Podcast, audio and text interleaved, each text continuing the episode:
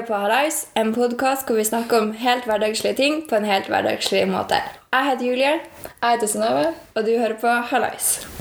I dagens episode så skal vi snakke om parforhold, og da skal vi ta opp litt om eh, hva som er viktig i et forhold, ting man må ta for seg, type kommunikasjon, roller i et forhold, respekt og åpenhet og diverse sånne ting. Hvordan et forhold oppstår, og hvordan det er å være i et forhold. Eh, Synnøve, hva tenker du er viktig å ta opp i denne episoden? Eh, altså, først og fremst må vi jo se på eh, hva, er, hva er det vi mener når vi sier forhold. Altså sånn hva Hvor går grensa? Ja, til fra du er liksom venn til forhold, eksempel. Overgangen, kanskje. Ja. Overgangen er veldig viktig å ta for seg. Ja. Fordi der skjer det veldig mange misforståelser. Det kan skje veldig mange misforståelser. faktisk. Det er of ofte at det skjer. um, og så er det jo det med Som du sa, hva som er viktig i et forhold.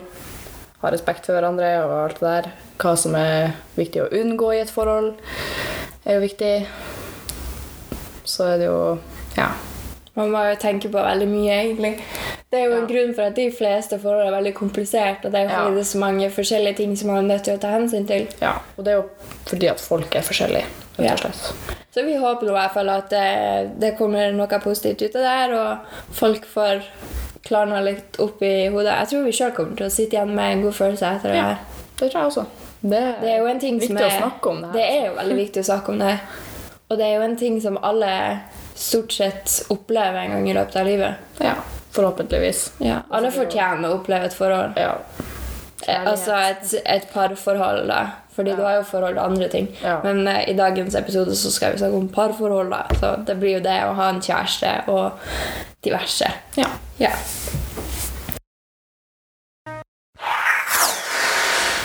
Eh, hvordan var ditt første forhold, Synnøve?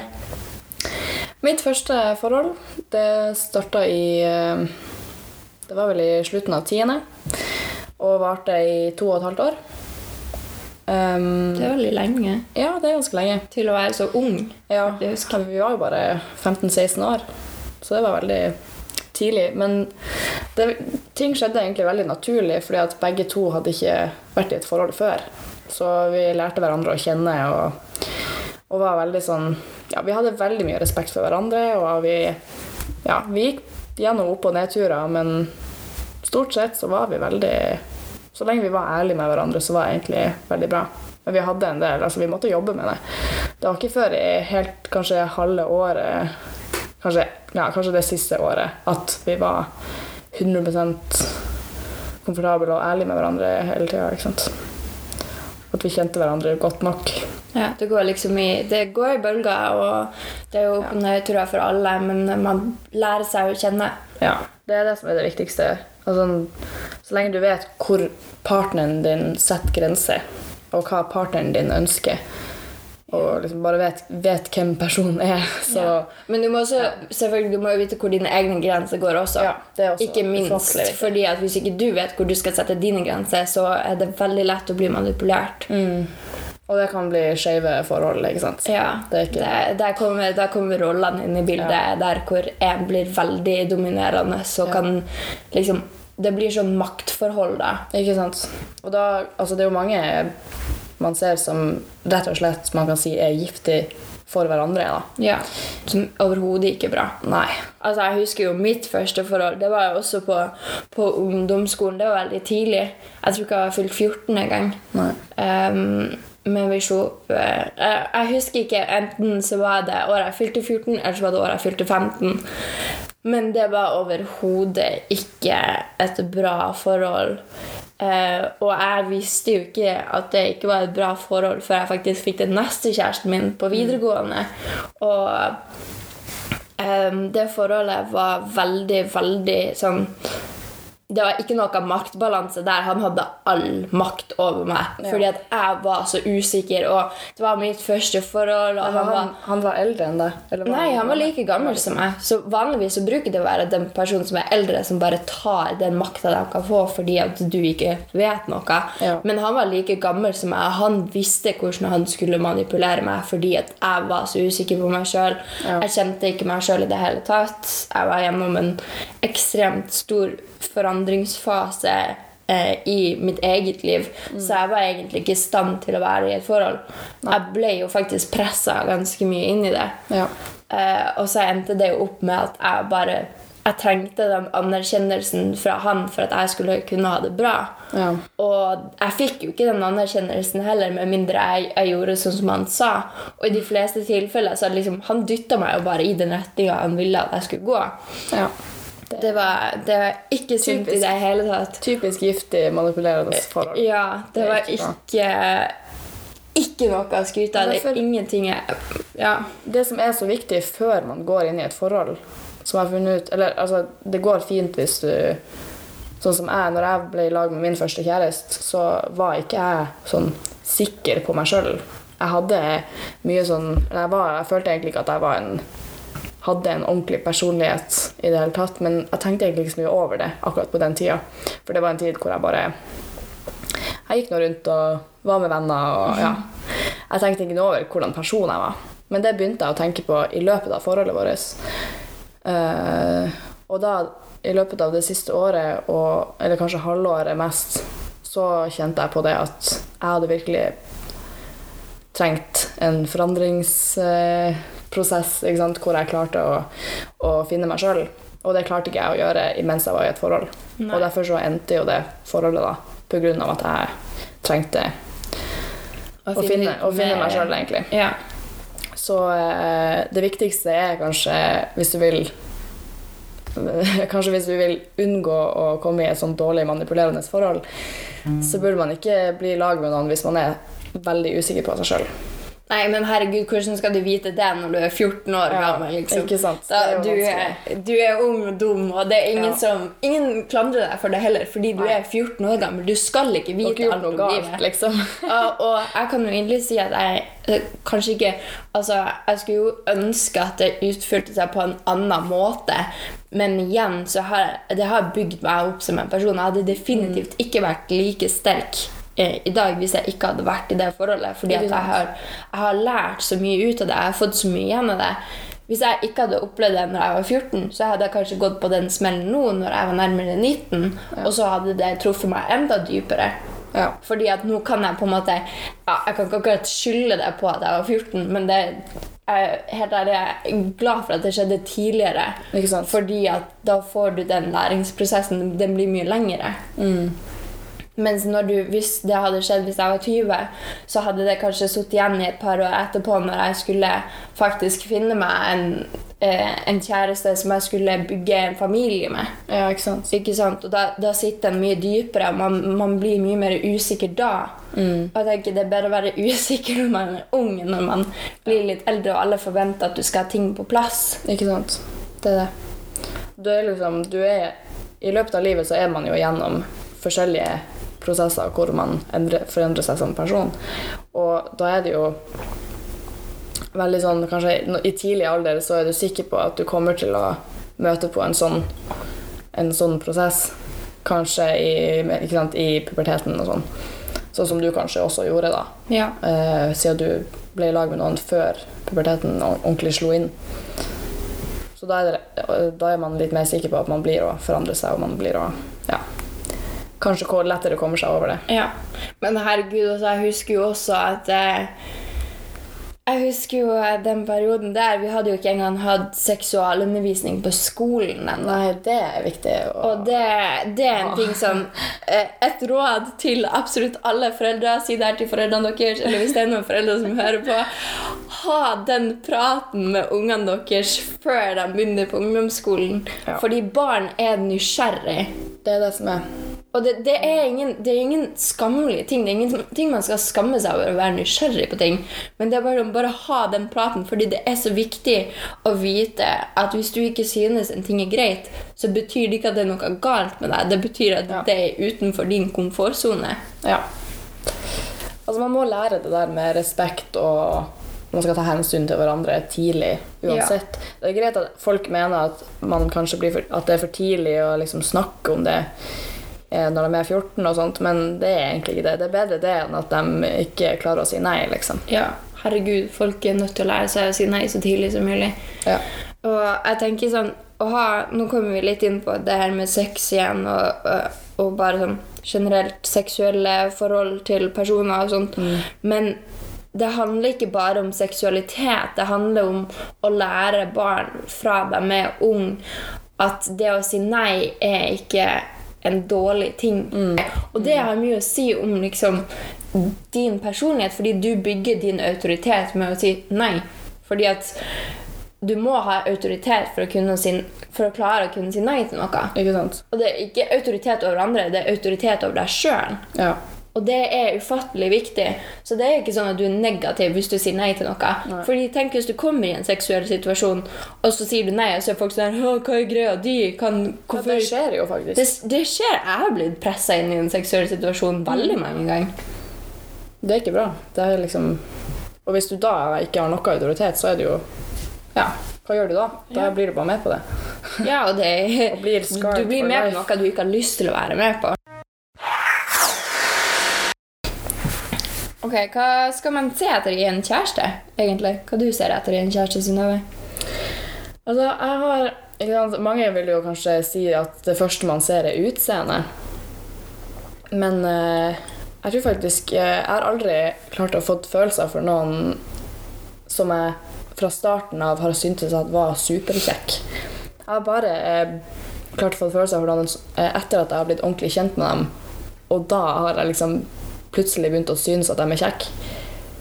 Så liksom, de, de har ikke falt meg inn i det hele tatt og prøver meg på engang i starten. Men så har vi blitt kjempegode venner, og så har vi bare Wow, la oss prøve det her. Det går liksom sin egen, det går sin egen gang. Ja. Og jeg, veldig, jeg vil gjerne bare ikke tenke så mye over det, og bare la ting skje. Fordi at det er ofte da jeg føler meg komfortabel med det. Det blir naturlig, ikke sant. Så da ser jeg da mer etter eh, humor. De må ha humor. De må kunne ta seg sjøl litt mindre utidelig og være litt eh, gøyal, Ja. kan man si. Og selvfølgelig snill. Jeg vil at de skal ha, vise respekt for meg, og jeg skal vise respekt for dem. Og jeg vil at de skal være en snille personer. Du liker ikke sånn bad boy? Nei, jeg gjør ikke det. Ikke jeg heller. Helt ærlig. Jeg syns det er veldig overfladisk. si. Ja, folk liker å si det, men hver gang jeg sier det, så er det bare sånn Nei, det gjør du ikke. Det går ikke an. Noen blir kanskje tent av det, men eh, de har ikke lyst til å være i et forhold med en bad boy. Det tror jeg ikke. Nei. Men folk har jo sine egne ting som de strekker seg etter. Og har har jo andre venninner som er veldig sånn der det at ting er uforutsigbart og Ja. litt på kanten, driver dem. Det som det driver dem Mm. i et forhold.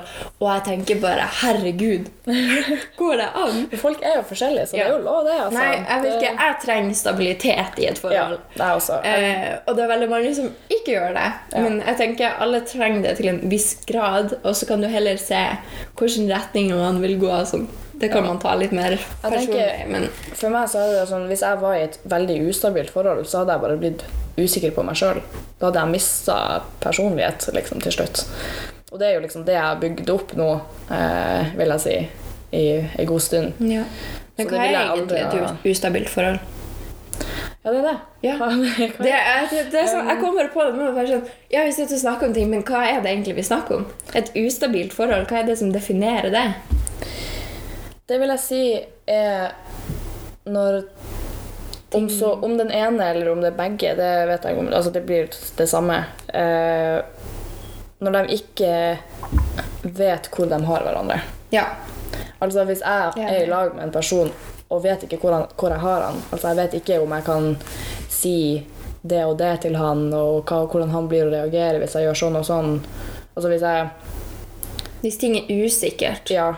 Jeg tror vi, vi sier det sånn at ustabilt forhold er usikkerhet i et forhold. Ja. Og ikke usikkerhet på den måten at du liksom er usikker på hvor ting skal gå henne, men at man ikke Mm. vet hva som foregår i øyeblikket. Ja, eller man bare rett og slett ikke kjenner hverandre godt Ja. nok. Eller kanskje Man er usikker på og er- hverandre. Og ja, og så er man kanskje heller ikke uh, i stand til å prøve å bli kjent med hverandre heller.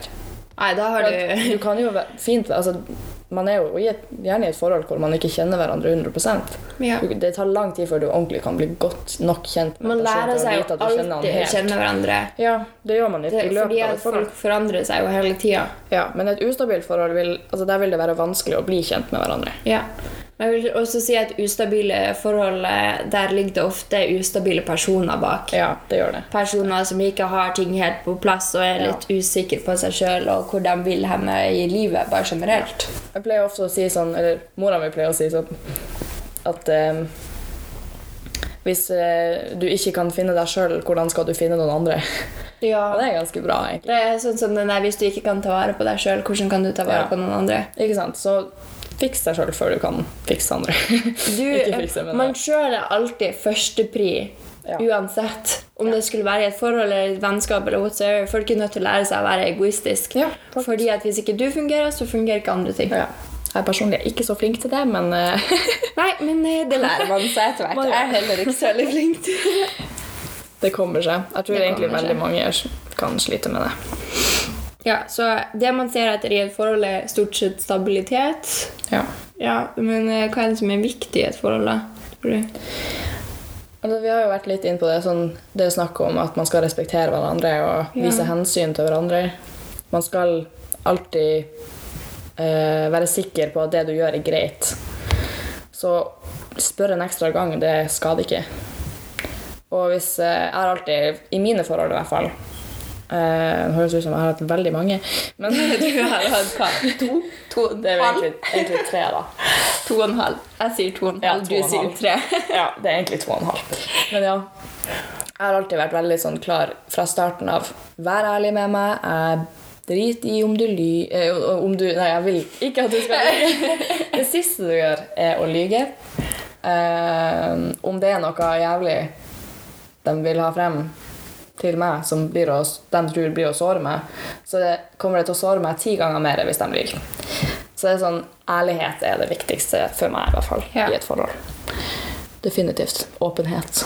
Åpenhet, ja. Jeg tenker, eh, Vi har snakka litt om det her med grensesetting, og sånne ting, men jeg tenker at det er veldig viktig å si at man lærer seg å sette grenser mens man er i et forhold. Ja. Fordi mens du er i et forhold med én person, det vil ikke være det samme forholdet som den forrige personen du var i lag med. Nei. Eller en fremtidig person du vil være i lag med. Så du lærer deg på en måte å sette grenser i forhold til personen du er i et parforhold med. Mm. Du lærer deg, Samtidig som du lærer deg å kjenne dem, så lærer du også å kjenne deg sjøl i forhold til dem. Ja. Jeg fikk det- ufattelig mye Jeg har fått ufattelig mye ut av de forholdene jeg har vært i. Så Ja. også, det er også det at folk snakker om at Uh, og hvis man går, har gått ut av et forhold, f.eks. Bare sånn 'Å, eh, nå har jeg wasta livet mitt. ikke sant? Jeg har brukt opp all tida mi på han, og så ble det ikke vi.' ikke sant? De tror liksom at det ikke var verdt det lenger. Men jeg har fått ufattelig mye ut av de forholdene jeg har vært i. Så Ja. jeg angrer absolutt ikke på de forholdene jeg har vært i, selv om de ikke varte hele livet mitt. Nei, jeg er helt enig. Jeg angrer ikke på forholdene jeg har vært i. Det kan være sånn at jeg faktisk ikke klarer å fordra trynet ja, til den personen, men jeg setter fortsatt pris på forholdet vi hadde. ja. Og, men det er forskjell på å sette pris på det man hadde, og skulle ønske at det fortsatte. Ikke sant? Fordi at jeg setter pris på at jeg hadde det forholdet, men jeg kunne ikke ha satt pris på det om det var nå. Ja, Det hadde vært helt annerledes. ikke sant? Fordi det er jo en grunn for at man slår opp, Ja. stort sett. Uansett, egentlig. Så er, om det er pga. en misforståelse, eller om det faktisk er en ordentlig grunn for det, så er det alltid en grunn for at man slår opp. ja. Det er nok for det beste, liksom. Ja. Noen klarer jo å finne tilbake til hverandre, da, men Ja. eh, Det, det er en annen ting. ja, det er det.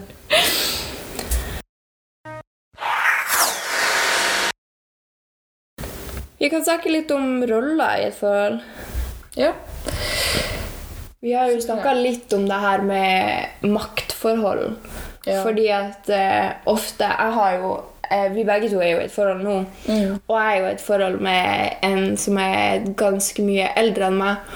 Og jeg husker da vi da jeg fortalte det til spesielt til mora mi, så ble hun veldig engstelig fordi at hun tenkte at han kom til å bruke sin livserfaring som, for å ta makt over meg, fordi at Ja. han er såpass mye eldre enn meg. at Det er ofte det som skjer. Ja. Men pga. at jeg har vært gjennom de tingene jeg har vært gjennom tidligere sånn, Jeg har blitt Jeg kan ikke si at jeg har blitt misbrukt, da. herregud, det er litt, litt på kanten. Men jeg har jo blitt utnytta av mine tidligere kjærester som har vært like gamle som meg. Ja. Jeg har vært i tre forhold. Jeg er i mitt tredje forhold nå. Mm. Så jeg vil definere det som forhold. Jeg har jo selvfølgelig hatt sånne her små kjærester på barneskolen. og sånn, Det men telles ikke. Det telles ikke. Eh, Det kan jo telles for noen, da, men det telles ikke for meg. Um, men eh, ja, jeg, har blitt så ut, ut Jeg holdt på å si utrydda. Jeg har blitt så utnytta. Ja. utrydda. Jeg har blitt utrydda av mine tidligere kjærester. Derfor lever du ikke nå. Jeg er blitt så, såpass utnytta av mine tidligere kjærester at jeg ikke lar det skje igjen. Ja. Og eh, jeg skal ikke akkurat si at kjæresten min er den personen som har mest ting på plass heller. Nei. Så eh, jeg tror faktisk i vårt tilfelle kunne det ha gått motsatt vei. Ja. Du, er, faktisk, du er eh, egentlig litt mer voksen eh, sånn Takk. Jeg tar det som et kompliment. han, da. Men uh, Jeg bruker er- å si at han er tolv år gammel. Ja, ikke sant. Ikke sant. Og det, ja, det handler ikke om alder, egentlig. Det handler mer om, eh, om personlighet. Det kan handle om Det alder. kan det, ja. Jeg tenker jeg hadde aldri latt min datter på 13, nei, på 13, på 16 bli i lag med en som er 22. Ja, ikke sant. Men eh, jeg vet ikke det, Hvis ting funker, så funker det. Ja. Man merker det ganske tidlig, og nå har det gått over et år, og det har gått helt fint, selvfølgelig. Vi har jo hatt våre komplikasjoner, men det er jo vanlig i et forhold. Ja. Det er ikke noe usunt. Nei, jeg tror jeg, tror jeg og alle andre hadde lagt merke til det mye tidligere hvis det ikke hadde Definitivt. funka med oss. Definitivt. Mens alle rundt dere er jo sånn Ja, dere er Alle rundt oss har mer trua på oss enn det vi har. Så Ikke sant? Så det er et veldig godt tegn. det er et godt tegn. Ja. Men ja, du har også kjæreste, men han er like gammel som deg. ja. Vil du fortelle litt om deres forhold? Hvilken rolle har dere egentlig? Det er et godt spørsmål. Um, altså, vi er jo egentlig Jeg vil si vi er ganske på lik bølgelengde, fordi at begge to kan være kan være rollen som 12 år, og begge to kan være rollen som 40. ikke sant? Av og til så er det jeg som er mer moden, og andre ganger er det han. Så, sånn, hvis Det er sånn det på- bør være. da. ja, Jeg hvis vi tenker det. på sånn, de gamle rollene, som f.eks. husfru og, og den som har ansvaret, så er det jo kanskje Mann jobber, og dama er hjemme med Ja. ungene. Men her er det kanskje litt mer sånn Det er han som kan lage mat av oss, mens jeg kan ikke være på kjøkkenet. Så han er kanskje litt mer husfru enn meg. Jeg Du bruker jo å si at det er du som er mannen Ja. i forholdet. I alle forholdene mine så har det vært jeg som har vært eh, minst eh, følsom og mandig eh, min, Minst følsom og kvinnelig, skal jeg si. Ja. Liker jeg å si, da. Det, ja. Vi kan jo være både begge to følsomme, så det ja. Jo, men, Men det vi er kommer jo helt veldig- an på. Men vi er veldig ærlige med hverandre. Ja. og sånn. Vi prøver å Ja, Det er bra. vi balanserer det, tror jeg. Ja. Jeg tror ikke det er så verre at han, eh, han er liksom dama i forholdet akkurat. Men Han er, han er jo veldig sånn Han kan bli litt sånn Han vil være sånn mannemann, ikke sant? Ja. Så han blir sur hvis jeg sier at han er søt, nice. ja, ikke sant? Hvis jeg får noe sånn at det virker som at han er kvinnelig, liksom, eller sånn, ja. Helt ærlig, jeg har aldri skjønt det her med hvorfor gutta er sånn ikke søt, jeg er Ja. Det er sånn, Du gjorde deg nettopp ti ganger søtere fordi Ja, du blir så fornærma. Og så blir man bare enda mer, og så blir jeg bare enda mer sur Men, det. Men jeg forbinder ikke søt som liksom Det er ikke det samme som nusselig. Ja, det er to forskjellige ting. Er Fordi unger er nusselig. Folk Ja. kan være søte. Du kan gjøre en søt ting mot noen. Ja. Og du kan være en søt person. Det betyr ikke at du er sånn her Å, bollekinn, nå har jeg lyst til å klype deg i kinnene. Ikke Liksom. sant? Jeg prøver å mobbe han litt med det, da. Men eh, Ja. det er bare fordi han syns det Men da kan du heller si at det er sånn Å, de er så nusselige med de rosenrøde bollekinnene dine. Ja. Men ja. det skulle vi snakke om. Altså det i eh, forholdet med Det jeg er mest glad for, i hvert fall, i vårt forhold, er det med at det er veldig lite sjalusi. Ja. I mine tidligere forhold har det vært sinnssykt mye sjalusi. Eh, mine ekser har vært supersjalu, og de har eh, ikke klart, meg, klart å se på at jeg har snakka med en kompis av meg en gang. Mens nå er det kjempeherlig, for det er sånn hvis jeg har en Jeg visste jo det meldinger av en kis som eh, Ja. flørta og sånn her.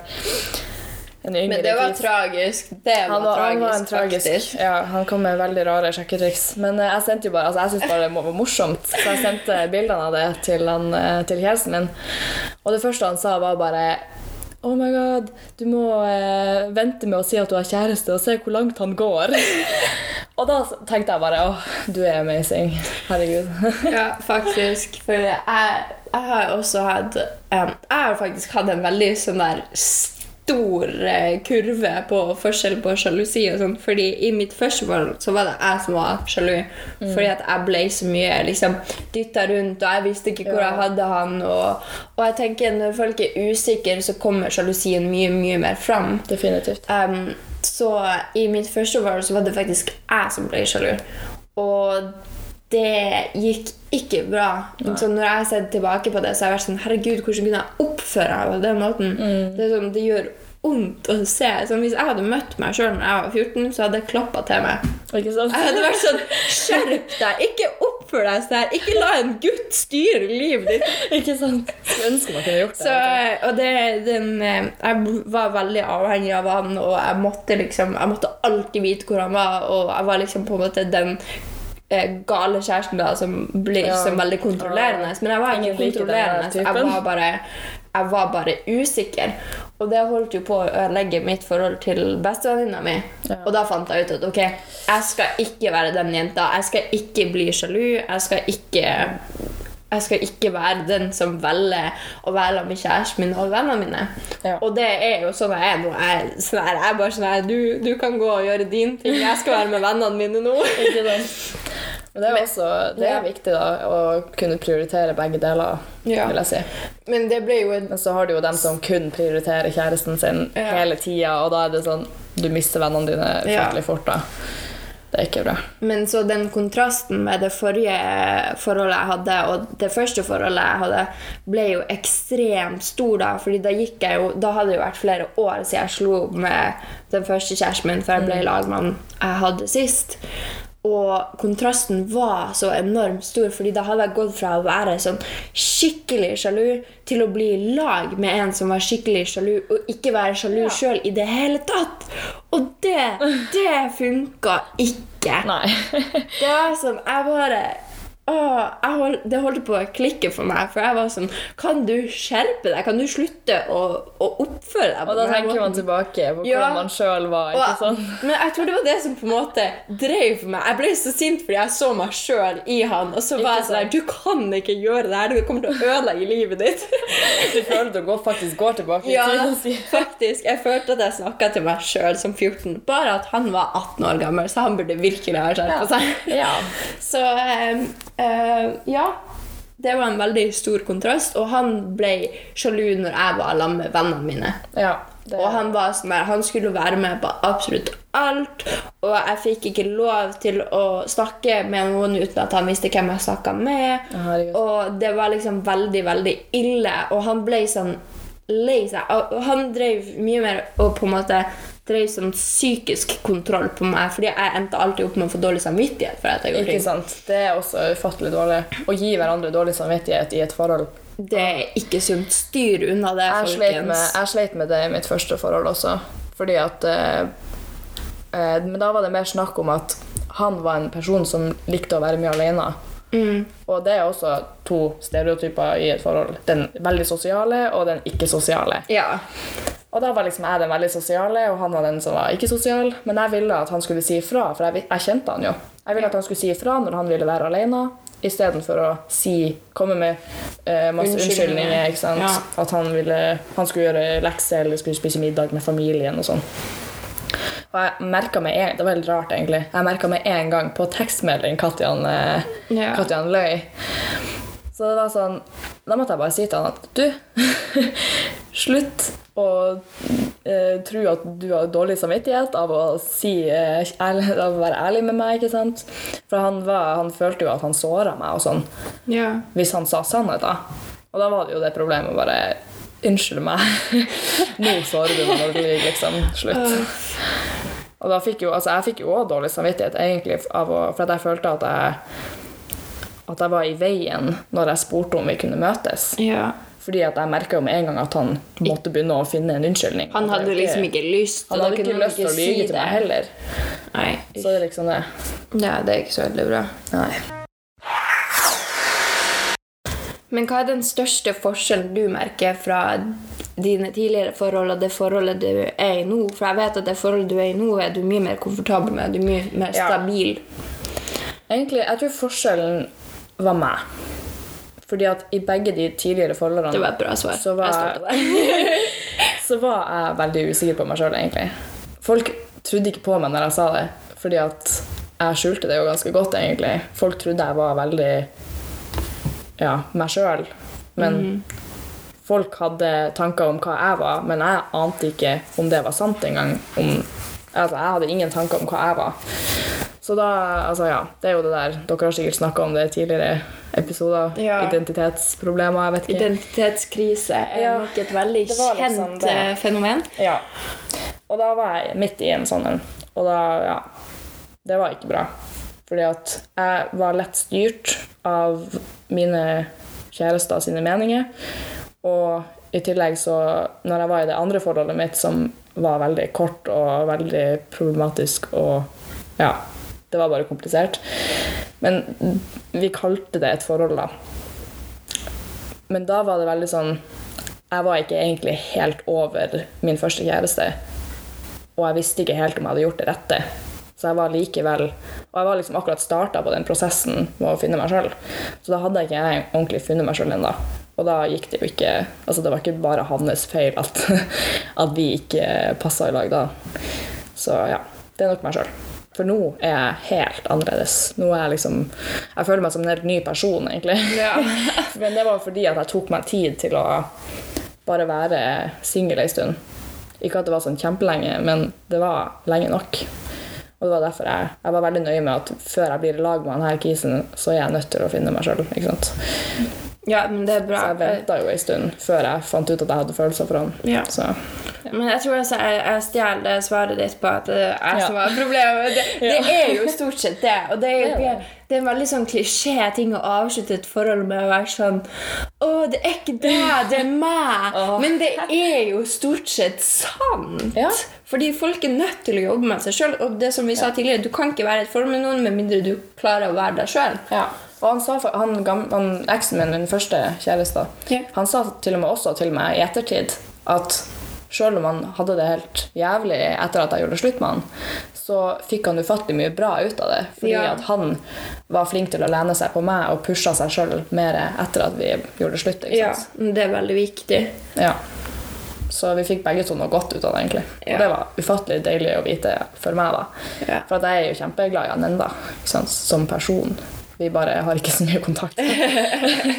Jo, men han vil alltid være en del av det. Ja. Og det som er Den første kjæresten er liksom den man alltid vil huske. Jeg føler at alle kjærester vil være sånn Ja, egentlig. Hvis, hvis du husker navnet på en person, så, de, så har de enten vært viktig, eller så er de viktig for deg. Ja. Og det er som, jeg har noen folk som jeg har vært med i livet, som som hvis jeg skal telle dem på en hand og være sånn mm, Hvem har jeg vært venn med? Så, den, den, den.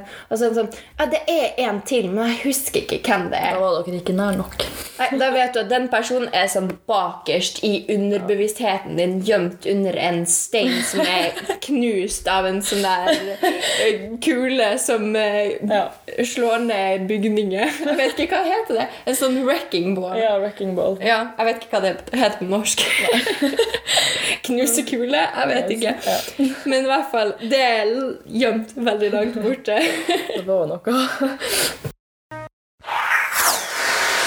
Det å også som er Vi har snakka veldig mye om sjalusi i et forhold, men du har også sjalusi der venner blir sjalu for at du Ja. er i forhold. Men jeg har sjalusi, er et veldig interessant eksempel på det her så jeg faktisk på et sånn brudeprogram. Jeg bruker å se på et program som heter Say Yes to the, Dress, Ja, det som der, er ja. sånn min guilty pleasure. Um, jeg ser på det veldig ofte. Det bruker å ha sånn helgemaraton.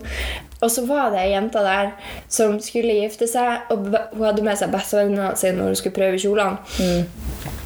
Og bestevenninna var sånn der Åh, jeg kan ikke tro at det er hun som skal gifte seg, fordi at jeg trodde det skulle være meg. Det var alltid jeg som oh, skulle herregud. gifte meg først. Og jeg klarer nesten ikke se henne i kjolen engang, fordi at jeg, jeg ser bare meg sjøl. Og jeg var sånn What?! Hvordan kan du, hvordan kan du si det her? til bestevenninna di! Ja, man er liksom. ikke glad for deres vegne. Liksom. Nei, fordi hun helt- var så sjalu, og hun var sånn her Hun, unn, hun unna hun ikke at hun skulle gifte seg, liksom. For Nei. hun skulle gifte seg først. Og jeg var sånn Hæ? Du, nei, slutt. Um, men så gikk det litt tid, da. De prøvde et par kjoler, og hun var sånn åh, den er så fæl, du kan ikke bruke den der. Men så prøvde hun på en måte drømmekjolen, da. Ja. Og så passa den perfekt. Og venninna bare sånn du ser så nydelig ut. Og så var liksom, Åh. Da forsto hun fikk sånn åpenbaring. og bare Ja. sånn, vet du hva, Jeg unner deg alt godt fordi du er min beste venninne, og vi har alltid vært der for hverandre. Og jeg vet at du kommer til å se på meg helt likens i mitt bryllup. Det er faktisk Vennesjalusi er noe Det er fælt. Det er fælt. Helt jævlig. Det er ikke greit. Men, man, men samtidig så er det viktig også, for at du Til en viss grad, hvis det ikke er sånn for mye, så får man jo liksom en reminder av og til som man kanskje trenger. Ikke at man er en dårlig person, men av og til så trenger man en liten reminder av at nå er du litt for mye med kjæresten din. Yeah. Ikke sant? Det er greit å si det. Og også yeah. når det er snakk om at man har vært i sitt første forhold, så, må, så trengs det bare at vennene sier ifra og snakker om det. Og hvis ikke det hjelper, så er man jo Ja, Ja. da kan man begynne å gå fra hverandre. Men kommunikasjon er alltid nøkkel, uansett Ja. hva det gjelder. ja.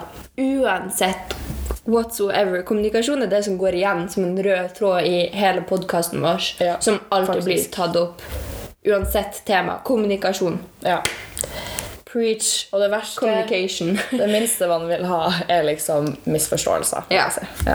Misforståelser er veldig teit, og Ja. misforståelser kan oppstå uansett. Sånn, Ja. Stort sett i forhold, i parforhold så er det de fleste krangler bygger seg på misforståelser. Definitivt. Der man bare har antatt noe. En, et råd til, fra meg til dem som hører på, er at man skal aldri ta en diskusjon på meldinger. Nei, aldri. Fordi det skjer så mange misforståelser. Ja, der er det, det er der skjer mest. Kroppsspråk er så viktig, Ja. spesielt i en diskusjon. Ok, så Da har vi kommet til spalten vår om stereotyper. Synnøve, vil du begynne med din stereotype om parforhold? Ja. Um, jeg vil jo da ta for meg uh, den gamle stereotypen. Ikke sant? Det typiske er at uh, kvinner er bak kjøkkenet og gjør husarbeid, mens mannen er ute, på, ute og har ansvar. Ikke sant? Jobber, f.eks. Um, og det ser man jo faktisk i dag enda. At uh, det, det er mange mødre som kanskje tar seg, altså, slutter jobben og jobber hjemme imens, imens uh, menn uh, jobber ute. Men Det det også- eksisterer jo enda. Ja, det gjør det. Men eh, mye mindre enn det gjorde før. Ja. Og så er det jo sånn at kanskje i dag så ser man heller det motsatte. Ja. Eller like mye av både at både menn og kvinner kan være hjemme mens de andre er ute og jobber. Nå eksisterer jo f.eks. pappaperm. Ja, Det gjorde det ikke før. ikke sant? Det er en kjempegod utvikling. så eh, Det er blitt mye, mye mer balansert. Ja, det vil jeg si. Men selvfølgelig, det eksisterer jo ennå. Altså, det er jo folk som faktisk Jeg tenker alt kommer til preferanser. Fordi det Ja. er jo faktisk noen damer som liker å jobbe på kjøkkenet og være Ja. hjemme med ungene. Og det er jo bare et personlig valg man egentlig tar, Ja. så lenge det er greit for begge i forholdet. Ja. Tenker nå jeg, i hvert fall. Ja, og det er jo veldig, altså Folk diskuterer jo om det er biologisk eller ikke, og sånne ting, og om det er bare fordi at folk tar det til, fra gamle dager av og sånn. Men jeg tror helt ærlig at det er ikke noe man trenger å tenke så mye over, fordi at nå er vi kommet i en, i en tid hvor alle bare gjør det de føler for. Og om det de føler for, er pga. gamle dager, det gjør ingenting. Fordi at det er det de ønsker. Og hvis den andre også ønsker det, så er det jo ikke noe problem. Nei, ikke, ikke gjør det til et problem hvis det ikke er et problem. Ikke sant? Og det er veldig mange sånn, fem, ekstreme feminister sånn, som reagerer negativt på det. Ja. At folk velger å gjøre det sånn at mødren, akkurat mødrene er der. Men det er jo bare for at mora har lyst til det. Ja, jeg tenker, jeg- det jeg tenker er at så lenge man har lyst til det, så er det greit. Men Ja. du skal ikke føle deg pressa til å gjøre det. Nei, ikke sant. Det skal ikke være uh, sånn ufrivillig i det hele tatt. Ja, jeg vil også ta opp en stereotype som er litt lik det, faktisk. Det her med at eh, hvem betaler? Hvem betaler når man er ute og spiser? Hvem tar ansvaret for økonomien? Og det er i så mange tilfeller der det er jenter som på en måte um, de føler seg pressa til å gjøre noe tilbake. Altså at de skylder mannen noe fordi at han legger ut for dem. At det er sånn her Ja, ok, jeg betaler for middagen hvis du blir med hjem, og så tar vi oss en liten kos, liksom. Ja. Og det er sånn Nei. Det er akkurat det samme som vi sier om det å velge ting. Fordi at du kan godt la dem betale, men du skal ikke få deg pressa til å gjøre det. Nei. Altså det er sånn hvis du, er, bare- du kan godt betale, men du er ikke nødt til det. Jeg splitter gjerne regninga. Ja. Eller det jeg liker best, er at den ene betaler den ene gangen, og så betaler jeg neste gang. Ja, om så. Sånn at det blir sånn annenhver. Og det tenker jeg også er veldig viktig sånn, når man har kommet litt lenger inn i et forhold, så blir det ofte sånn at ja, da tar man det litt sånn hipp som haps. fordi da er man såpass mye med hverandre. Og jeg kjøper middag den ene dagen, og så handler du inn varer til i morgen. Ikke sant? Sånn det blir ikke lenger. Man får litt sånn felles økonomi når man er mye i lag. Ja, men det, det har jeg merka også at det kan også være et problem at folk Mange forventer at mannen skal spandere på date og sånn, f.eks. Ja, det er veldig mange som gjør det. ofte. jeg, jeg liker ikke når gutter er sånn Nei, jeg skal betale. Nei, jeg får Fordi helt sånn akkurat nei. den samme tanken ligger igjen. Jeg er sånn Ja, men da skylder jeg deg noe. Ja, ikke sant? Man får bare sånn, Jeg føler meg som den golddiggeren. Ja. Uansett hvor mye penger det er snakk om, og det er to kroner, liksom, ja, da har jeg digga etter det, da. og det er jo altså jeg, ja, jeg har jo opplevd mange ganger hvor de bare er sånn De har bare lyst til å være snille. Ikke sant? Så Ja. blir de bare sånn Nei, slutt å være sta, og så betaler jeg. Ikke sant? Bare, ja, da må jeg bare Ja, greit. Ja, men jeg tenker så lenge det ikke er hver gang. Ja. Fordi da, da begynner man Da føler man å komme litt inn på det her med makt igjen. Ja. Fordi at Og det er mange, men det er mange gutter som faktisk føler seg pressa til å betale òg. Og det er jo ikke bra hvis de ikke har økonomi til det. Nei. Hvorfor skal de da Og uansett om du har økonomi til det, så skal du heller ikke føle deg pressa til å gjøre det. Nei. Men det er faktisk en stereotypi som man egentlig ser altfor mye av Ja, i dag. og derfor vil jeg ta det opp. Jeg tenker at likestilling er veldig viktig i et forhold. det er faktisk det. Faktisk. Og det er også Og det, det, å ha respekt for man kan for selvfølgelig andre. forholde seg til enkelte ting, sånn som vi sier at uh, um, damer kan være hjemme og man kan være på arbeid. Det gjør ingenting så lenge begge to er med på det, fordi da er det likestilling. Ja. Fordi da stiller man likt. ikke sant? Det er sånn her, ok, jeg gjør det, og så gjør du det. ja. Bare for at man har lyst, ikke for at man må. Ja, det, det er liksom, det er forskjellen. Ja. Man har et valg, Ja. og det er veldig viktig. Man kan velge litt i et forhold. Ja. Man kan si ok, jeg skal være med på det her, men jeg blir ikke med på det. Mm. Og det er jo veldig viktig også. ja, definitivt. Så ja, vi kan vel egentlig bare ta en liten oppsummering. Ja. Um, har du lyst til å ta oppsummeringen? Kan ta litt av den? Jeg kan si ja. Um, ja vi har jo snakka mye om at, eller kommet mye tilbake til at et forhold trenger respekt, åpenhet, og man skal ja, ta hensyn til hverandre sine grenser spesielt. Grensesetting er viktig. Uh, du skal kunne si nei hvis noe ikke er greit. Kommunikasjon er det Viktigste ja. i forhold. Ja, Faktisk. I Det er nesten viktigere enn respekt, faktisk. ja faktisk. Fordi respekt kan man på en måte komme seg litt tilbake på. Ja. Det kan være sånn at du, nå, er det, nå er du ganske respektløs. Og da kommuniserer du med en person. De fatter det. Med en gang de kommuniserer, så går ting så mye bedre. Og eh, ja, og så har vi jo har vi snakka litt om eh, forskjellige typer forhold. Du har jo dem som eh, ikke er noe med vennene sine lenger. Og, ikke sant? Det med sjalusi, vennesjalusi. Vennesjalusi. Altså, det er viktig å Det er greit å være litt sjalu, men det finnes grenser. det finnes grenser. For mye av det ikke gode, altså. Det er ikke greit. Ja. Um, Og Vi har snakka mye om roller i et forhold også, og roller i et forhold er overhodet ikke unaturlig. Og det Nei. tenker jeg er veldig viktig å få frem. Ja. Det at man har et valg, og Ja. det, det gjør ingenting om man velger det ene eller det andre, så lenge alle er åpne for det. Mm. Så har vi snakka mye om våre personlige erfaringer med forhold. ja. Vi har jo begge to er i forhold nå og har vært i forhold tidligere. Vi ser mye mye fremgang Ja. i forholdene vi har vært i. i hvert fall. Ja.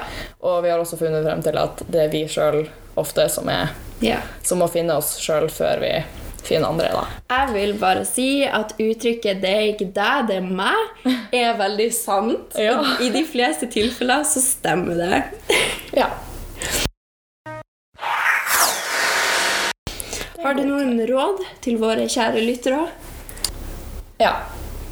Bare hvis dere vil være i et stabilt forhold og gjøre, ja, gjøre forholdet mer stabilt, så vær klar på at det du ønsker, er ærlighet. Og ja, bare vær, vær litt bestemt, kanskje, på at det her er det jeg vil ha. Du må være ærlig med meg. ikke sant? Hvis det skjer noe, si ifra hvis det er noe jeg kan gjøre. Eller, ja. Bare vær ærlig. Ja. Og rett frem. Jeg elsker å være direkte, for da får jeg frem det jeg vil ha, og så blir det ingen misforståelser. Perfekt. Det, det liker vi. Nei, vi liker ikke misforståelser, men vi liker når det ikke blir misforståelser. Ja. Ja, mitt råd vil da være uh, finne ut det som funker for deg, uh, og funker for partneren din, og bli enige om hva det er som funker for dere i lag. ja. Fordi at det, et parforhold, da er man et par. Det, er- dere er ikke to forskjellige individer. Man blir på en måte én når man er i forhold med noen. Ja, Man må også huske at man faktisk også er to forskjellige Ja, så man selvfølgelig. er limt Du, du er ikke sånn alltid det. Men man er nødt til å ta hensyn til at man er to personer sammen om Ja. ting. Ja, ikke sant? Det er det jeg mener. At man Ja. er to personer sammen om én ting, og det må funke for begge to. Ja. Og hvis det ikke funker for begge to, så er man nødt til å ta tak i problemet. Mm. Og ikke ta tak i problemer over tekstmelding. Nei. Beste rådet dere kan få. Ikke ta tak i problemer over tekstmelding. ja. Det er det verste du gjør. Ikke greit. Men da tror jeg vi avslutter for i dag. Ja. Um, ja. Ses neste episode. Ses neste episode. Eh, vi har ikke helt bestemt oss hva vi skal snakke om i neste episode. Nei, det blir en overraskelse. Det blir en overraskelse. Dere har hørt på Hallais. Jeg heter Julie, Jeg heter Synnøve. Og vi snakkes.